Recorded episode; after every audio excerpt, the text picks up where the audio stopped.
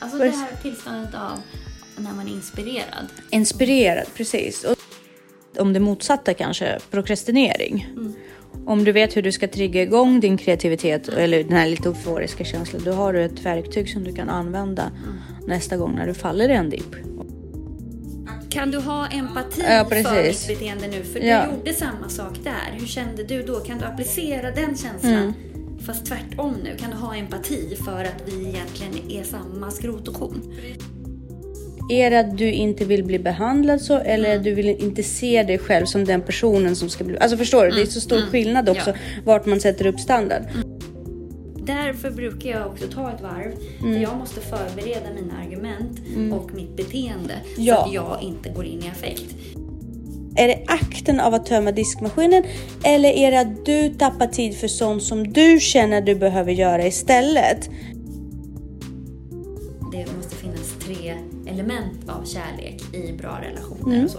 Och då är det er, eros, filia och agape. Mm.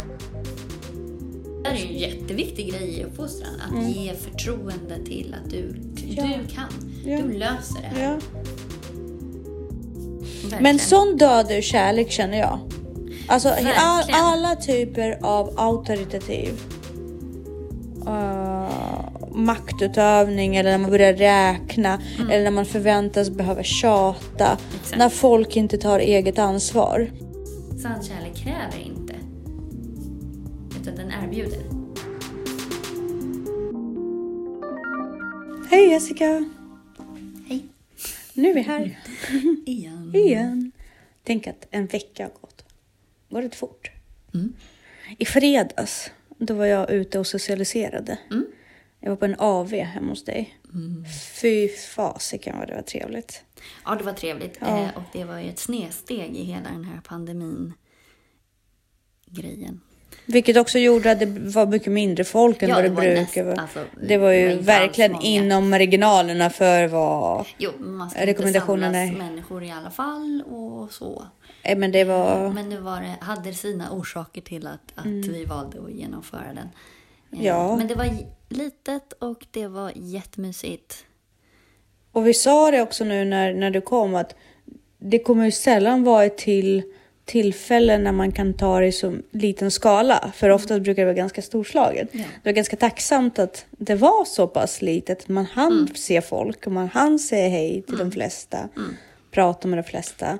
Och ännu en gång, jag blev bara helt fascinerad över den enorma mängden varma, snälla, trevliga människor. Som man blir omgiven hemma hos er alltid. Men Så så att- Google, ja. Ja men det är så tryggt. Det är men det var människor som jag fick tid att prata med också som jag Mm. inte hade haft tid att prata med annars. jätteskön, trygg känsla. Jättemysigt gjort. Du hade ju lagat fantastiskt god mat. Men det är sån här fuskmat, det var så enkelt. Men säg inte så. Du hade lagat fantastiskt god mat. Det var ingen fuskmat alls. Det var riktig mat. Eh, Jag förstår inte hur man riktigt kan fuska fram lamm.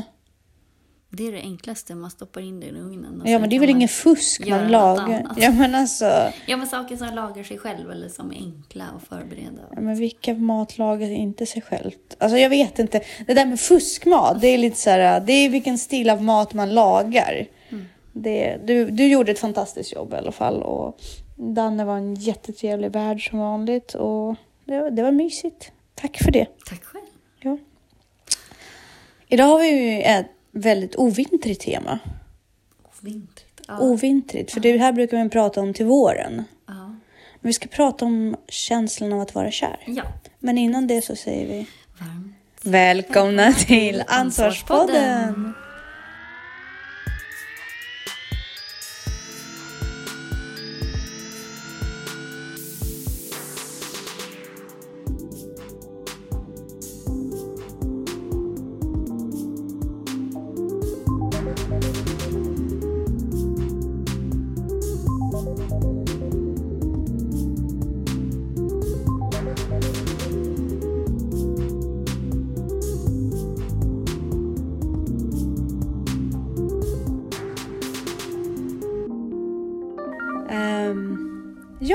Det där med att vara kär.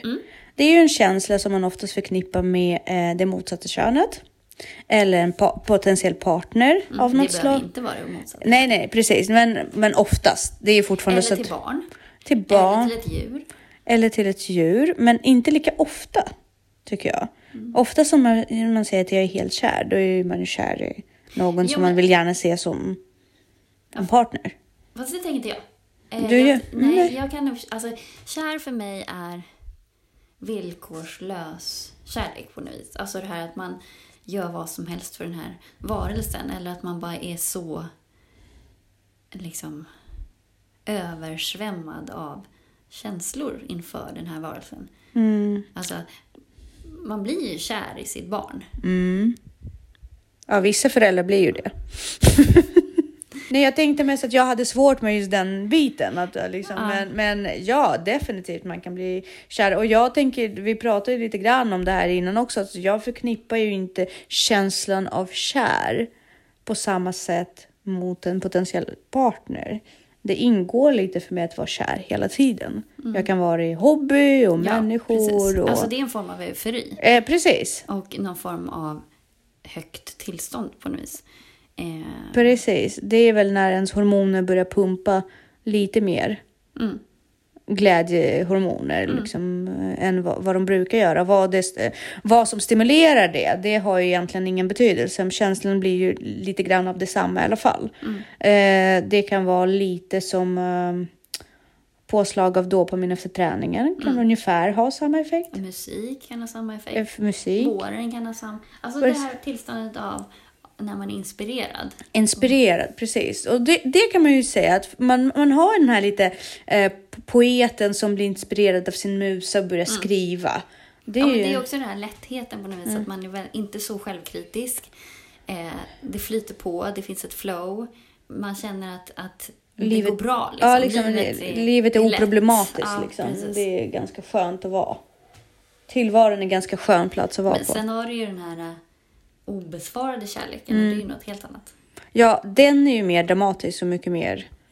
Då, då går man in i emo istället. Exakt. Jag blir mer dramatiskt kreativ. Mm. Men, men eh, när jag nu håller på att utreda så grejer så ska, i scanningen för det här med bipolaritet till exempel. Där står det väldigt, eller det blir väldigt tydligt när psykiatrikerna pratar om det att eh, den bipolära typ 2 bipolariteten, den euforin är väldigt närartad känslan av kär. Och sen så pratade ju också Anders Hansen i Psykiatrikerna, eller var det Kajaga?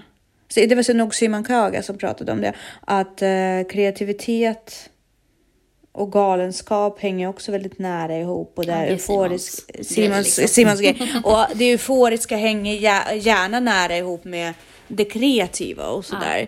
Så frågan är då, vad är det man ska göra för att uppnå den här känslan? Älska Hur- sig själv. Är, det- är det då man kommer upp Då har du ju med dig den hela tiden. Om Ja, du går igång man- lite man, på dig själv Man går igång lite. Det är, inte, det är lite osvenskt. Ja, Att lite gå igång. osunt också. ja, men lite, precis, vara lite så här dryg och självgod. Lite, Nej, men jag tror att, att eh, pratar vi kärleken eller pratar vi om relationer? jag tror att vi pratar om själva känslan. Ja, för den kan du ju hitta, där finns det ju nycklar hur du kan trigga fram Mm. den här och du kan ju också ehm, projicera känslan. Mm. Så att om det är soligt ute, man sticker ut och tar en löprunda, känner sig lätt i kroppen, lyssnar Mm. på bra musik. Då har du ju den känslan, eller då blir det ju den här kärkänslan på något vis. Då kan du ju projicera den in i musiken. Mm. Så att när du vill komma åt den här känslan igen så lyssnar du på den här låten eller Det blir som en trigger. Ja, eller att man tar en promenad. Mm. Eller att man, att det går ju att, att arbeta upp en sån verktygslåda. Mm. Så man kodar in sig själv lite grann. Det är lite grann det Henrik eh, eh, Fexeus. Fexeus pratar om också väldigt mycket. Att man, att man triggar, vad är det det heter? Ja, men vissa beteenden som ligger latenta liksom. Och hjärnan reagerar på det. Och då är det viktigt att veta de här nycklarna. Just för att kanske, som vi pratade om förut i något avsnitt, eh, om det motsatta kanske, prokrastinering. Om du vet hur du ska trigga igång din kreativitet eller den här lite euforiska känslan, då har du ett verktyg som du kan använda nästa gång när du faller i en dipp. Och kanske... Men sen också det här att kärlek föder kärlek. Mm. Alltså, är du i en relation så behöver du ju visa kärlek. Ju mer kärlek du visar, desto mer kärlek det är ju lättare att vara kär i någon som du märker är kär i dig. Ja, Alltså, så. självklart. Alltså det, vi funkar ju så. Mm. Eh, om vi märk, alltså det är svårt att, att inte tycka om någon som är kärleksfull. Ja, ja, det är det. Eh, så att det är nog det bästa receptet tror jag i relationer. Att tänka på att kärlek föder kärlek. Mm. Och att inte ha så mycket prestige utan att man låtsas att, eller låtsas ska man ju inte göra, alltså så, men om man känner att man håller på att tappa eller att man känner att det inte är en bra dag eller en bra period. Gå till dig själv först, för det är förmodligen där det ligger. Och gå före dig själv ett steg. Mm. Så att var där där du vill vara. Mm. Hur vill du känna? Bete dig då. I enlighet är med där, det. för att ditt huvud är någon annanstans. Ja. Men det behöver inte vara sant. Precis. Att om jag vill ha en kärleksfull relation så måste jag visa kärlek. Jag kan inte gå och vara sur och vänta på att den andra ska göra det. Precis. Utan jag får lägga det åt sidan om jag har några negativa känslor och ja, försätta mig där, där jag vill vara. Men det här är så himla intressant för det här har vi varit eh, inne på i väldigt många aspekter, men särskilt i relationer och det här med att behålla känslan av kär. Eh, Jag har ju hamnat ofta i de här eh, fallgroparna där man går och tänker så här, "Åh, jag skulle gärna vilja bli utbjuden. Mm. Men så- bjud ut då. Nej, precis, men det gör jag ju inte. Nej. Utan jag går och blir lite så småbitter Ja, av att jag har ju kommit på det. I mitt huvud är det ju självklart. Jag sänder ut alla signaler. Mm. Att jag vill bli utbjuden på en dejt eller vill ha en present eller vad det nu Men kan sen är vara. också, om du bjuder ut tio gånger och det fortfarande inte händer någonting, Ja. då är det ju något knas. Precis. Men ofta så föder man ju igång något hos Mm. den andra då. Och där kan jag genuint säga, alltså jag är typ Alltså jag är lika kär nu i Danne som Mm. när vi träffades, om inte mer. Jag har fortfarande kvar exakt samma pirr och så när jag tänker på honom. Mm. Alltså jag kan fortfarande säga när det står så här Danne på telefonen. Ja. Jag bara Åh! Ja. Liksom. Eh, fast jag har ju den här också djupa kärleken som, Mm. Som man också har kommit till. Ja, som har liksom, Mm. ju mer jag har lärt känna honom. Eh, jag är ju osunt knuten till honom. Jag kan tänka på det rätt ofta. Vi har ju typ en osund relation. Alltså på så sätt att vi är så otroligt sammanknutna Mm. och så eh, ja, men osunt kopplade till varandra eller beroende av varandra på så många plan. Fast gör det dig lycklig? Ja! Ja, men då kan det ju inte vara osunt. Jo, men det är osunt att man blir rätt... Alltså, jag vet inte. Alltså du är ju lite inne med det där. Du har ju alltid en så här lite komplex för att du måste vara hela tiden Nej, men självständig. det är osunt. eller, osunt Ifall någonting men händer. opraktiskt. Opraktiskt kan det vara, Det är definitivt. väldigt opraktiskt. Men snart bor ni ihop så då blir det väldigt praktiskt istället. Jo, jo, men, men, men det här är ju också någonting som jag vill ha i den här relationen. Alltså att den här förälskelsen ska finnas. Så att jag, eller vi båda två, göder ju den. Mm. Så den kommer, och jag vet att han och så många andra säger att det försvinner. Mm.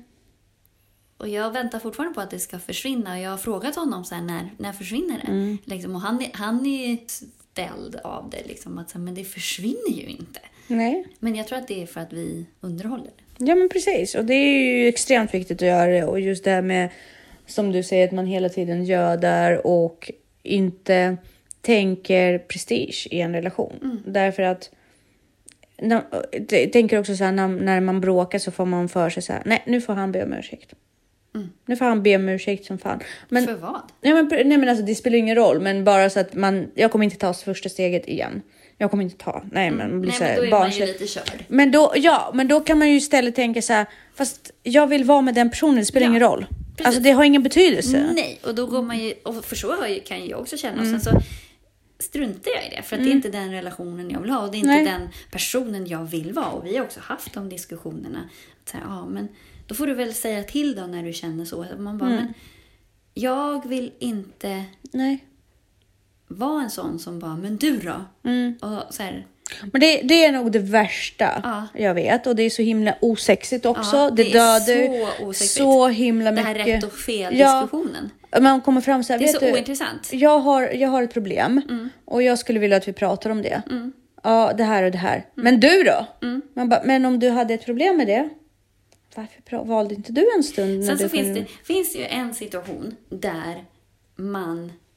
Det är bra att lyfta men du då, fast man uttrycker inte på det sättet. Nej. Men det är bra också att påpeka, lyfta för att försöka skapa en igenkännings... Vi säger att du kritiserar mig för något jag gör. Ja. Eller tycker att jag är överkänslig för någonting eller så. Då kan jag spegla tillbaka. Kommer du ihåg för två månader sedan när du reagerade så här? Det, det är inte riktigt samma sak. Nej, men så att man Nej. inte blandar ihop dem. För Ja. det kan lätt bli en, kännas som en du-situation. Fast syftet är att Att vi kan du liknar. ha Ja, empati ja, för mitt precis. beteende nu? För Ja. du gjorde samma sak där. Hur kände du då? Kan du applicera den känslan? Mm. Fast tvärtom nu. Kan du ha empati för att vi egentligen är samma skrot och korn? Precis, och att vi båda har våra egna triggers som kanske Precis, sätter och, igång och du tyckte att jag överreagerade då eller Mm. tolkade fel. Det kanske är du som tolkar fel den här gången. Mm. Alltså bara den empatin och den ödmjukheten, Mm. att man försöker gräva fram den. Men risken, problemet med det är ju att det kan, och det är kanske det man vill egentligen leta reda på när man hamnar i de här dura diskussionerna. Mm. Att man på något sätt säger, men du är ju inte så mycket bättre själv. Fast egentligen menar man att, kan du inte ha empati för mig nu? För att du har ju varit här där jag står. Men där finns ju en till så problematisk grej till exempel. Jag tycker inte att man ska eh, liksom lugna ner sig eller inte säga när man blir störd. Jag tycker det är väldigt viktigt. Men man måste också ödmjukheten då för att... Ja, ja, absolut. Men vissa tycker ju att man inte ska det och bara det är inte så himla viktigt. Man behöver inte liksom påpeka. Jag brukar ta ett varv Ja, och känna efter om det verkligen är så viktigt. eller om det bara. Och om jag känner att jag inte kan släppa det utan jag går runt och tänker på det, då brukar jag så här vilja prata om det. Men ibland är det ju inte så viktigt och ibland så landar man i att så här, han har säkert sina anledningar till att han gör så där. Ehm, och, och så är man tillfreds med det. Det jobbiga dock är ju om man gör den grejen, har kommit tillfreds med det eller så här, och sen vänds det då så att när jag gör det Ja. så finns det ingen mercy. Ja, men Fast jag precis. precis har släppt den. Precis. Du, alltså så. Men, men det där, bara, kommunikation, liksom. det är viktigt att bara prata om det. Och också kunna ta diskussionen utan att det blir bråk. Mm. Eh, och bråk blir det ju när det inte finns empati. Mm. Att det blir så här, men jag håller inte med, eller jag tycker inte så. Nej, det är klart att du inte gör. Ja. Men, så att för mig är det egentligen väldigt konstigt med konflikter Mm. i relationer. Jag är inte så van vid att det blir bråk när man uttrycker vad man känner. Jag är, med, jag är ganska van vid att det är så här, ah, känner du så? Okej, ja, mm. eh, Jag är inte så van vid att bli bemött så här, eh, du har fel. Eller liksom att, att jag håller inte med dig. Eller liksom att, ja, så här, ja men du har fel. För då, då blir det ju lite konflikt så här. Ehm, så att jag är ofta, ja, jag är nog mest inställd på att man kan prata om saker. Därför blir jag väldigt så här perplex när man helt plötsligt befinner sig i ett bråk. Man bara, men hur hamnar jag här? Ja, för jag har ju märkt nu med, med tiden att jag, jag hamnar ju lätt i bråk. Därför att jag, eh, jag härmar den andra personens beteende. Och är den andra personen uppe i varv så har jag väldigt svårt att inte bli det. Ja, den måste man ju, speciellt också när man har med barn att göra. Ja, Att man, det märker jag gentemot Ludde, liksom, att man måste bara... ja. Och, Och, där vet jag ju också om det är någon, förlåt nu Nej, det är ingen fara. Om det är någon Mm. som står en nära i en relation Mm. och den är i affekt. Så då kan jag också varvas med affekt. Så därför, därför brukar jag också ta ett varv. För Mm. jag måste förbereda mina argument och mitt beteende. Ja. Så att jag inte går in i affekt. Utan jag måste liksom lägga upp en plan för hur den här diskussionen ska Mm. föras. Så att jag kan bete mig väl. Mm. För att jag, det har hänt mig två gånger senaste tiden att jag måste be om ursäkt för att jag har höjt rösten eller så. Mm. För det är inte, jag, det, jag mår så dåligt av det. Det är inte jag. Mm. Och jag, trivs, jag är inte stolt över det, jag trivs inte med det. nej. Jag vill inte hamna där. Nej.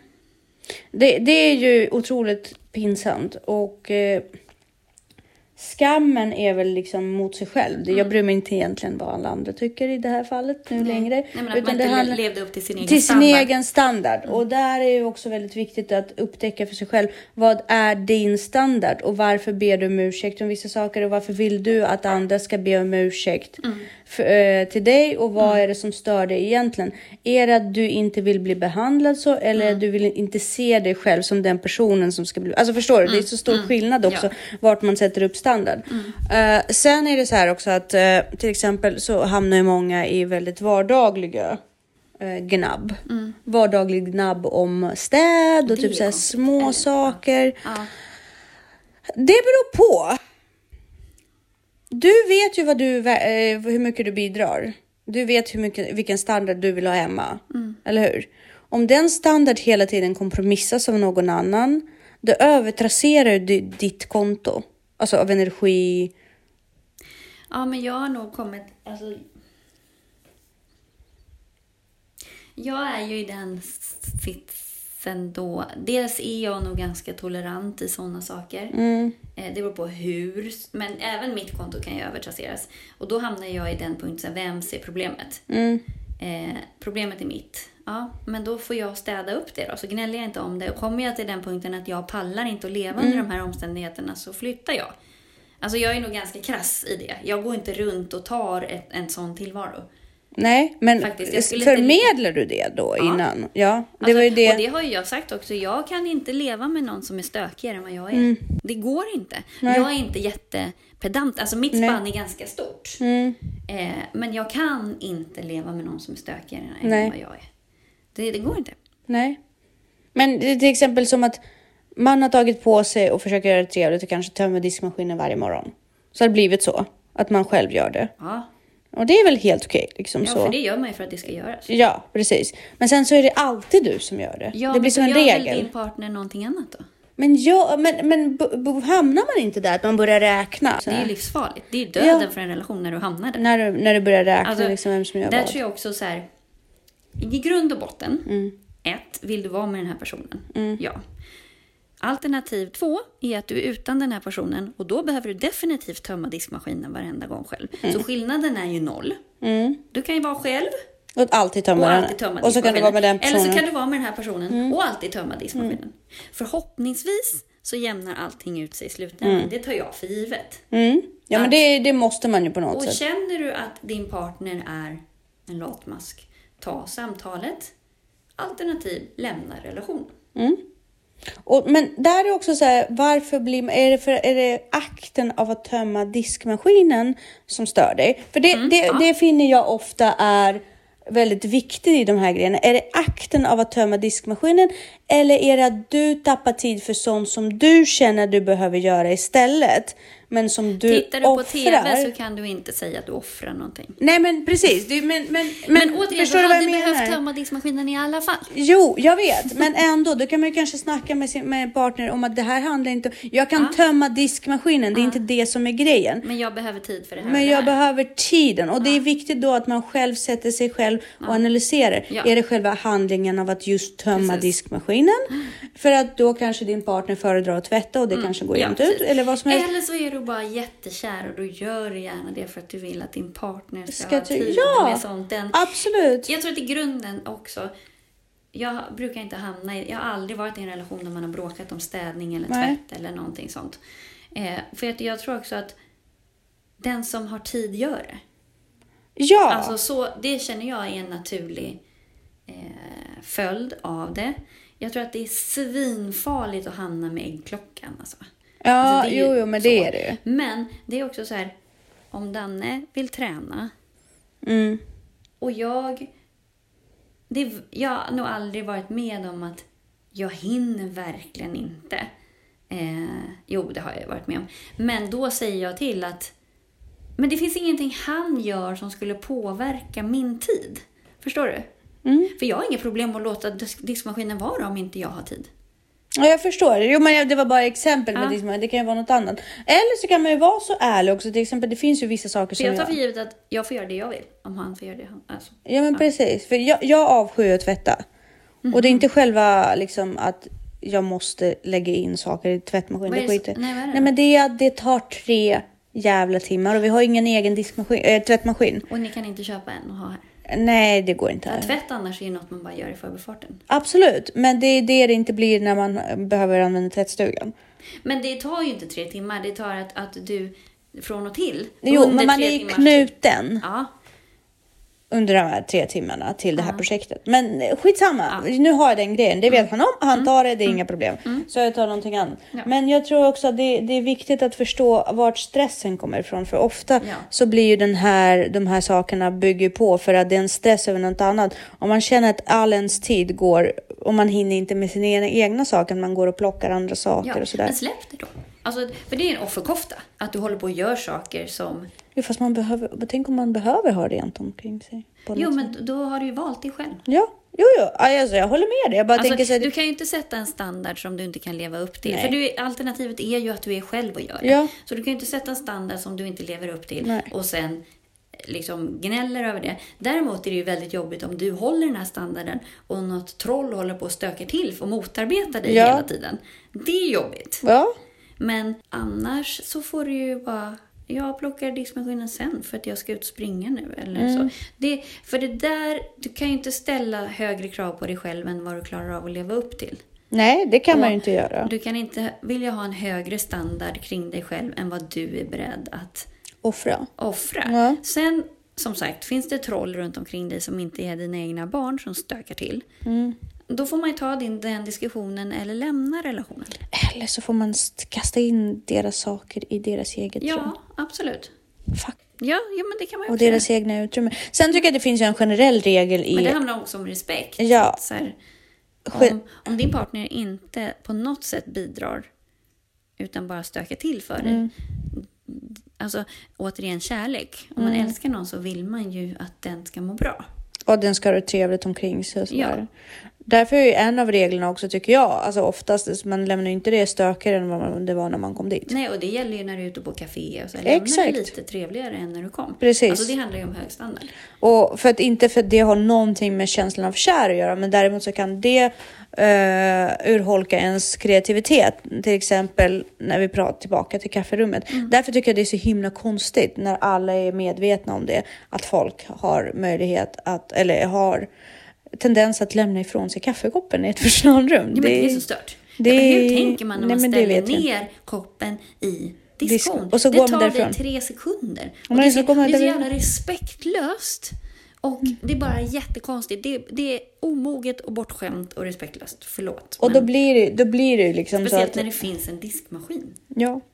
Och nu, nu gled vi ifrån kärleken. Ja. Men det, det där med kär, och det, Mm. det är samma sak med barnen. Alltså, eh, i, ry- rysk, I min familj, jag ska inte säga det är rysk-judisk tradition, man har en viss jargong. Mm. Man, man, liksom, man pratar med barnen genom att hela tiden eh, läxa upp dem. Eh, det är en jättefarlig grej till exempel. Det urholkar också barnens trygghet och barnens kär, kärlek gentemot en själv. Och Man hela tiden, då blir ju barnen skygga. Då, varje gång en vuxen dyker upp då tänker ju barnet hela tiden på vad, vad, vad, hur har jag fuckat upp nu? Det där är roligt att du säger det, för det är tvärtom i Portugal. Ja, Alltså så fort ett barn kommer in i ett rum så blir det bekräftat. men Förstå gud. vilket tryggt samhälle Ja. för barn att växa upp i. Verkligen. Att så fort jag kommer in i ett rum så kommer någon le mot mig, klappa mig på huvudet, fråga om jag Ja. mår bra. Ja, nej. Alltså, Nej, men det, men det, det är ju fantastiskt. Ja. Mm. För jag känner så att mycket av mina men kommer från den här konstiga miljön. Att man hela tiden så här, folk kan inte säga så här, skulle du kunna till ett barn? Utan man säger så här, du ska. Fast Gör jag, det här. jag håller med på ett sätt för att det är dumt att säga så här, skulle du kunna hämta den där? Så säger en så här, nej, och så blir man sur. Jo, men om man ber någon om, du, den måste ju inte det. Nej, men då ska man ju kunna ta att den säger nej Ja, också. absolut. Självklart, men det tar man ju aldrig i Ryssland. Man tar för givet att barn är skyldiga dig. Mm. Du, du har rättigheten att köra runt med barn Mm. och det tycker jag är fruktansvärt. Det är som Viktor kan bara, eh, nu är jag inte en ängel heller, men jag har börjat uppmärksamma det. Men man kan ju säga så här, gå och lägg dig. Men Fast det finns ju olika sätt att säga det på. Det, man kan ju också säga så här, nu är det dags att gå och lägga sig. Ja, men då kan man ju göra det. Mm. Liksom ge en liten varning, en liten puff och liksom eh, komma in i det. Men, men i Ryssland har man ju Gå och ofta... lägg dig betyder ju gå härifrån. Ja, ja, men eh, det är ju... Det betyder ju liksom det i Sverige, men jag menar att ja, men det är ungefär som att barnen hela tiden brister i ens egen eh, rättighet Mm. till att vara. Och det är alltid vuxen som äger hela diskursen kring Fast barnen. det är det ju. I Sverige också. Det är ju. Du, som förmyndare till en omyndig individ så är det ju så. Sen så kan man uttrycka sig på olika sätt och man kan föra en diskussion. Vissa grejer kan du få vara med och bestämma om. Men barn, det är ju vår problematik i samhället också, att barn får vara med och bestämma om för mycket grejer. Men det är ju skillnaden också mellan ledare och chef. Du vill ju vara ledare. Då vill ju du lära barnet hur man pratar med andra människor. Du vill inte hela tiden trycka ner det. Nej. Eller tvärtom. Jag låter den göra vad fan den vill så den saknar respekt för alla andra. Men just det här känner jag att ryssar är väldigt eh, svåra med. Till exempel som jag har ju nu en rysk psykiatriker. Hon är en ryska. Eh, inte flyttat hit så himla länge sedan. Säkert en jätteduktig psykiatriker så. Men jag märkte det direkt och det var så roligt för jag pratade med en annan bekant som också känner till henne. Och jag bara shit vad hon har ett ryskt sätt. För så fort jag sätter mig i stolen där så känner jag att jag måste hela tiden eh, rättfärdiga mig. Mitt, Helt fel Mående. yrke då. Ja. Alltså för att om du kommer in, du är ju förmodligen rätt skör redan från Ja. början. Det sista du behöver är ju... att sitta och bevisa att jag En faktiskt ryss. mår dåligt. Ja, men lite så. Att jag mår dåligt. Och det är så spännande för det första jag kände, jag kände mig lite grann som att sätta mig i soffan med mina föräldrar och berätta för dem nu ska jag göra det här. Och då är de så här, "Petter, Petter, Petter, Petter." Ja, då, hur har du tänkt? Hur ska du göra? Inte så här, gud vad roligt, berätta mer. Utan, utan verkligen så här, jaha, men alla kan känna sig lite olyckliga. Jag bara, det Men var det hon som har sagt så konstiga saker? Ja, Också, att ja, så här, precis. skilsmässa, barn mår dåligt. Och så. Precis, och så här. Men, men det, är, det är bara så intressant hur man på en gång genom sin jargong eller sitt sätt att prata Jo, men också på. hon ska inte värdera som hon Nej, nej, det ska hon ju inte göra. Men jag tror inte det, åh, det, är inte, det är inte en brist, det är bara ett sätt. Ja, precis. Men Och det blir ju fel i det, Det yrket. blir ju fel i det yrket, men det är också väldigt kultur, kulturellt betingat. Och där kommer vi också in Mm. på att det är väldigt viktigt att en psykolog och psykiatriker har samma Ja. kulturella bakgrund. Därför att annars blir det väldigt lätt väldigt fel. Men det är en spännande grej. Verkligen. Men sån död ur kärlek känner jag. Alltså all, alla typer av auktoritativ uh, maktutövning eller när man börjar räkna eller när man förväntas behöva tjata. Mm. Exakt. När folk inte tar eget ansvar. Men det finns ju åtta punkter eh, just så här, för att behålla kärlek Mm. i en relation. Det är ju det här liksom att älska sig själv först och sen den du eh, vill ha. Mm. Eh, och sen kärlek utan villkor och undantag. Och det är den här, vi har ju pratat om den här villkorslösa kärleken. Mm. Och den är känner du den genuint, då har du inte de här diskussionerna kring diskmaskinen eller städning eller tvätt eller pengar eller vad det nu kan vara. Eh, så att den är verkligen, och att älska är att behöva någonting, inte föredra Alltså på det sättet att det är ju dubbelt i det där. Alltså du behöver det känslomässigt. Mm. Däremot så anledningen till att vara i en relation är ju att man väljer det. Alltså jag behöver inte dig. Men jag vill vara med dig. Ja, precis. Alltså det finns inga Jag behöver dig absolut känslomässigt. Ja, men inte att jag Men behöver det inte om- praktiskt. Nej, jag behöver inte det praktiskt. Jag behöver inte det ekonomiskt. Jag behöver inte Nej. Men jag väljer att vara med dig. Av Precis. den enda anledningen Att för att jag du får mig i må dig. bra, liksom. Ja, jag Ja. älskar dig. Ehm, och sen hur, alla par har ju problem. Det viktiga är hur man löser de här Mm. problemen. Och har ni inga problem så är det ett problem. Mm. Alltså det är alla, för då vågar man bara inte prata om dem. Eller så bryr man sig inte. Nej, och det är också ett problem. Precis. För då är man ju inte där så känslomässigt. Eh, och att det är skillnad på kärlek, alltså den här att älska och att vara kär. Mm. Och just det här, att vara kär är ju det som får upp intresset för någon eller det som gör att du instinktivt kopplas till någon. Och Mm. det kan ju vara baserat på kemiska eh, substanser. Precis. Så. Eh, men det här också att, att liksom, kärleken, alltså att älska, byggs ju upp hela tiden. Mm. Alltså man upptäcker nya saker hos den här personen och hur hanterar man dem? Och att på något sätt gå in i det här förutsättningslöst. Mm. Jag har inte, för det, en stor anledning till varför många relationer blir fel eller varför det inte håller är för att folk går in med bilden av hur relationen Mm. ska vara. De tittar inte på vem det är de är kära i och hur blir en relation med den här personen. Mm. Utan man har en fast bild och det är ju jättedumt. Eller det blir ju fel. Du måste ju så här allt eftersom du upptäcker de här nya sidorna så måste du anamma dem. Precis. Eh, och sen att du behöver ha en ganska hög integritet. Mm. Eh, för att sätta känslomässiga gränser så att du inte blir överkörd eller så Mm. att du hela tiden känner dig eh, bekväm. Eh, och att kärlek, sann kärlek kräver inte. Utan den erbjuder. Mm. Och det är också det där, ask not what your country can do for Mm. you, but what you can do for your country. Det är, Och det är en den- väldigt viktig aspekt tror jag. Ja. Bara, vad kan jag ge den här relationen? Mm. Inte bara vad får jag ut av den. Ehm, och man ska inte behöva ändra sig själv för att passa en partner. Mm. Utan man ska känna att också den personen älskar dig villkorslöst. Precis. Det ska inte vara så här... Ja, det måste man känna. Sen kan den ha, ha åsikter om vissa sidor av dig men du måste fortfarande känna den här villkorslösa kärleken. Ja, precis. För att utvecklas och förändras, det måste man få göra på sina egna villkor. Mm. Eh, och känner man inte naturligt att man vill Mm. bidra med en förändring för att din partner ska må bättre. Mm. Man Utan vill ju bli- den andra väl. Precis, utan man blir intvingad i det. Då blir det en väldigt svår sits. För då, då ifrågasätts ju en- ens hela personlighet när man är inte är bekväm med det. Men också, ja, förlåt, var det, var det fler punkter? Nej. Det var intressant också, hur, det, där leder det också från att vara kär Mm. till att faktiskt inte kunna samexistera. Mm. Och där är ju många också som väljer fel ofta. Mm.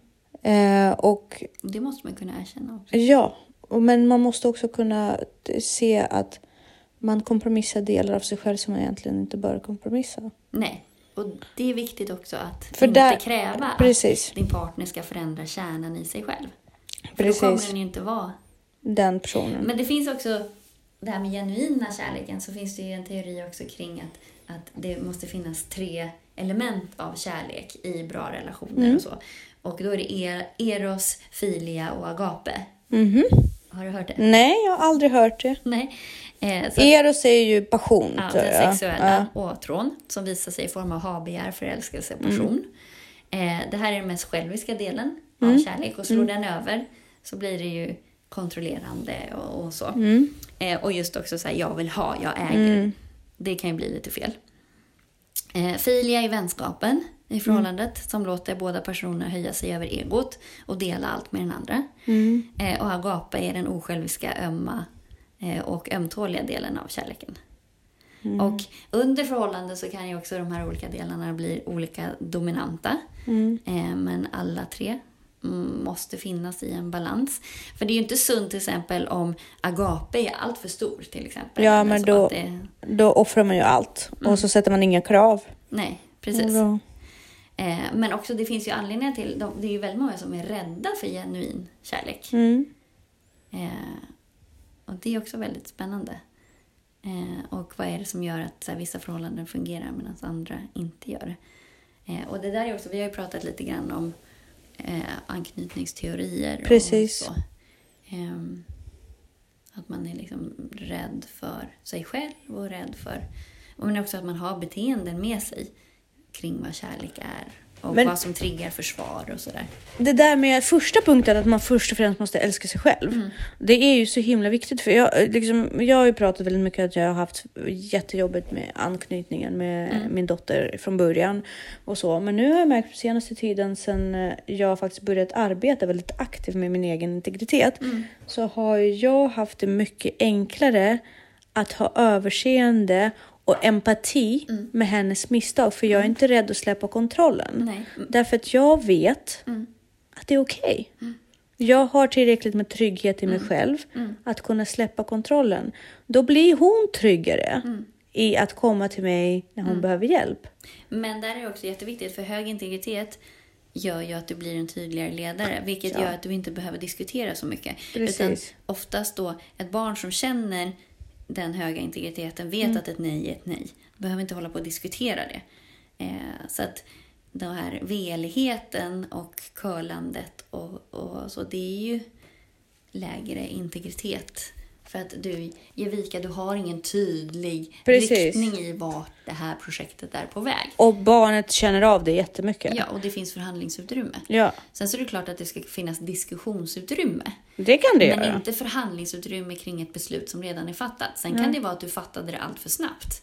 Som, vissa har en tendens att säga nej först Mm. och sen tänker de efter. Så bara, jo men det är rätt vettigt, så okej Mm. då. Redan där har du ju skapat En lucka. för förhandling. Precis. Då och blir det, så här, det är så det här går till. ja, men du kommer det, säga nej, jag förhandlar, jag får som jag vill.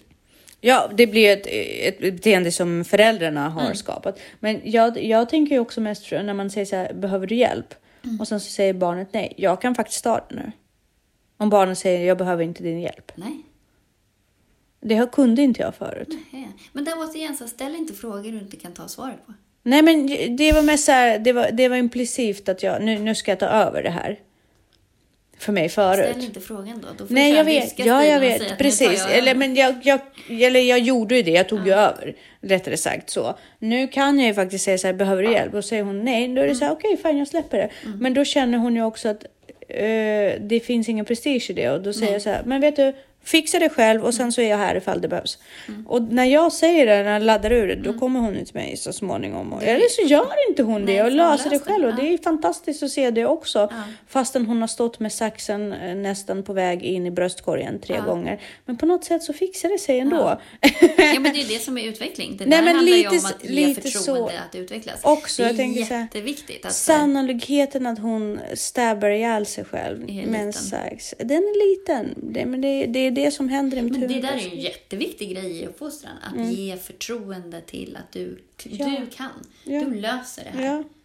Det, där, det där överlämnar jag till dig Ja. och du kommer ro i land det här. Jag brukar säga, eller ja, det händer ju att jag säger till mina barn ganska ofta att jag lös problemet. Mm. För jag blir, jag blir provocerad nästan om de inte kan. Löser problemet. Ja, om de inte... Jo, men Men sen måste du Vad- också ta att de löser problemet på sitt sätt. Ja, och den är ju lite svår. Ja. Men sen är det klart att jag också vill kontrollera vissa saker. Men däremot vad jag börjar med i skolan nu, för jag är så sjukt provocerad över att vi lobotomerar dem. Ja. Så att nu har jag faktiskt slutat att svara på frågor som, som de rimligtvis skulle kunna räkna ut själva. Ja. Så jag kommer bara med en motfråga Ja. för att leda in dem på rätt spår. Som Mm. dag, alltså den vanligaste frågan. När slutar den här lektionen? ja. Men det är jättejobbigt. När kom du hit? Ja. Hur lång är den? Mm, där har du svaret. Ja. Bara för att visa att du kan använda din hjärna. Men också att vi inte är servicepersonal. Exakt. Det är, liksom, det är inte min uppgift. Nej. Det är som när barnen frågar mig vad är det för mat idag? Ja.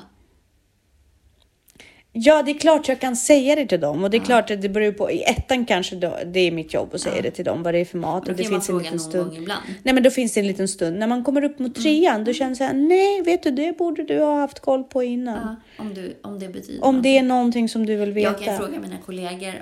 Men det är Ja, men det är en helt annan. Ja, men det är en helt annan sak. Och sen så eh, och vi och, har du inte kollat upp det hemma, men då får du vänta tills du kommer till matsalen och då vet du vad det är för mat. Ja, Och de det- ska men- dit. Precis, men sen så finns det extremt nyfikna barn och då kan de inte tänka på något annat. Då får man ju ge dem det. Men det finns massa o- och så här anledningar till varför man inte går in i relationer. Det är Varför rätt går man spännande. har du några kompisar som, all, som aldrig verkar Vilja ha ja, relationer. eller ver- stanna i relationer? Eller liksom. Ja, jag har två kompisar som aldrig stannar i en relation. För dels är det så här att, att en, en sann relation gör ju dig väldigt sårbar. Mm. Eh, Ja, det tycker är en av dem. det är också den här osunda delen i våran relation, alltså inte din och min Mm. Nej, relation, nej, men men, min och Dannes ja. relation. Att man är så avskalad och så, det är os, eller os, opraktiskt att Mm. vara så liksom. Men nu är jag ju inne i det här. Liksom. Så Nu har du fuckat upp Ja, redan. nu har jag redan fuckat Ja. upp. Eh, och då att man är rädd för att liksom inte såras igen. Mm. Eh, men Danne brukar säga en ganska klok sak. Att om man aldrig är villig att utsätta sig för smärta så kan man ju, inte utsätta, så kan man ju aldrig uppleva vad sann kärlek är heller. Mm. Alltså, för det handlar ju om förtroendet att våga släppa.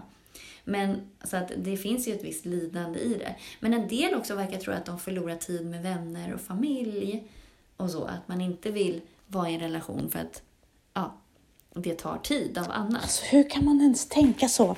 Alltså, det, är så det är så främmande för mig. Mm. Ja, men att det kommer bryta band. Jag vet inte. Sen finns det ju vissa relationer där ser man ju att partnern försöker bryta Mm. banden med kompisar och familj. För att, men då är det ju när den här äganderättsdelen och svart, för det finns ju en underliggande svartsjuka i det beteendet och kontrollbehov. Att du är min, Mm. att du ska vara mest med mig. Kanske Men- man vill. Ja, men det är ju inte sunt. Eh, att faktiskt, du vill ju att personen, man vill ju att partnern ska ha en bra relation med sin familj och så här, du får inte träna för du ska vara med mig. Jaha, typ, så här. nej, men det är alltså, ju lite- Det utvecklar ju ingen. Nej. Det, man, i, I varje relation måste man alltid få utrymme för att utvecklas. Ja, och du måste ge partnern förtroende att du vet bäst själv vad som är bäst för dig. Ja. Så Absolut. inte, men det är det här kontrollbehovet som är lite eh, spooky Mm. faktiskt. Eh, Nej men en av mina vänner vill ju inte vara ihop med någon för att eh, hon inte känner att hon kan lita på folk. nej.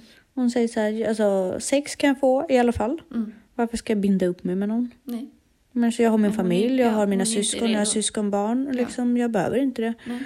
Intressant. inte. Intressant. En annan saboterar bara. Ja, men det är lite anknytning. Ja. Alltså för att man dras till omöjliga relationer Mm. för att man inte vågar ha en riktig relation. Och Precis. då måste man ju gå in och, och kolla vad det beror på. Så att eh, ja, så är det. Ja. Ehm, men det här med giftiga relationer är ju lite läskigt också. Gift där man blir medberoende en Ja, annan persons problem. Att Men det är där- skadligt för Ja, oss. men där är det intressant också, för att återgå till vår första tema där med hur, när man blir kär. Mm. Eh, kan man, hur länge ska man vara kär Mm. Innan man vågar ta ett beslut? För det finns ju verkligen giftiga relationer, alltså det finns ju, precis, det är eller väl opassande relationer eller vad som helst. Och så hur länge ska man låta den här nyförälskelsen sitta i så man vet att man inte är kemiskt påverkad? Att man inte är euforisk eller någonting så när man tar beslutet att faktiskt satsa på den här människan. Du För- menar att man inte får, den ska ha passerat då? Ja, Men alltså min har inte passerat. Ja, så då, då vet ju inte du om han är, om han är sund för dig. Nej, exakt. Ja, Ja, men, äh. men det där, då måste man ju... Men man får inte analysera sönder saker heller. Men jag tror att har man hög integritet, vet vad man är ute efter, har en eh, hyfsad pejling på sig själv, Mm. eh, älskar sig själv eh, och är lite ödmjuk och vill den andra väl, Mm. så är det nog inga problem. Nej. Då måste man ju liksom bara go for it. Mm. Sen har jag haft två bekanta som har eh, nyss skilt sig Mm. för att de är uttråkade i sina relationer. Men det där är också spännande för det är egentligen sig själv man är uttråkad. Sen så kan man ju till viss, eller uttråkad på, men sen så har du verkligen försökt och dragit igång personen och den inte ger någon respons. Då får man ju gå vidare. Och det har de ju verkligen. Ja, och, jag då är tycker, ju- och jag tycker att det var väldigt tappert av dem båda. För att jag menar, det är liksom... Och de är ju rätt ärliga med det också när folk säger så här, varför gjorde ni så? Vad hände? Men har den här partnern förändrats eller har den alltid varit så? Ja, det... Visste de det här från början? Ja, men det är där jag säger att man Ja. kanske blir jättekär. Ja, exakt. Och sen så tänker man inte på det. Nej. Och sen så har man inte analyserat det tillräckligt. Nej, för man har inte så hög integritet.